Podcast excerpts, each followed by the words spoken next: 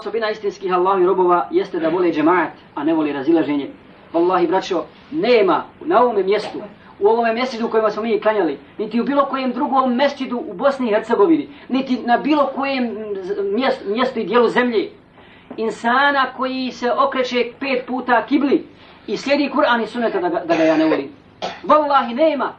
Nema takvog insana koji slijedi Kur'an i sunnet i klanja pet vakata namaza i posti i daje zekat i obavlja hađa koji mogućnosti, a da, da, da, da srce ne osjeća blisko sa njim i ljubav, i ljubav, prema, i ljubav prema njemu.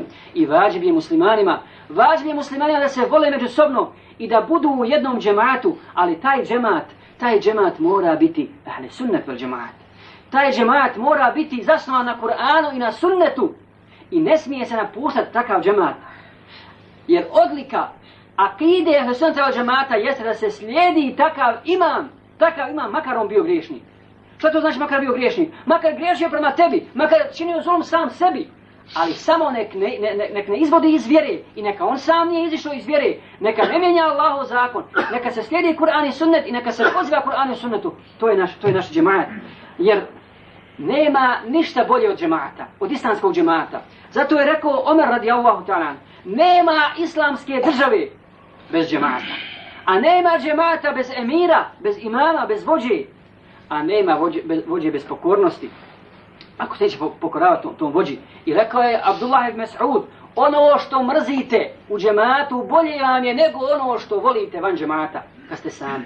Šetan čovjeka često puta zavede. Pa mu zasmeta mala stvar, zasmeta mu dlaki, nekak u džematu. Hoće da vidi ljude u džematu kao meleke.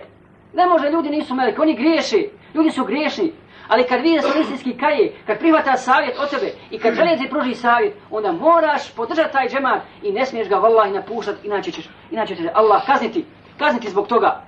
Jer danas je problem ummeta upravo to što su napustili džemat, što nemaju svoga halifa, što nemaju svoga vođu. I kad se pojavi takav džemat, še, kjafi rade sve da, da, da, da, to, da to raskopaju. A oni imaju svoj džemat, oni imaju svoj džemat kjafirski.